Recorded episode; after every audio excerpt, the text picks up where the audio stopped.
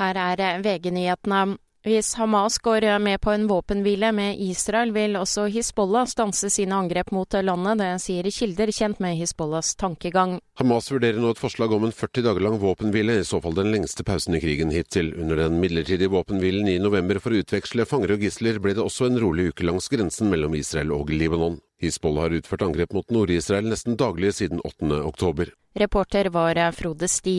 Politiet i Agder melder at de har pågrepet en kvinne som kom fra Danmark til Kristiansand i natt. Kvinnen er utvist fra Norge og ble nektet innreise.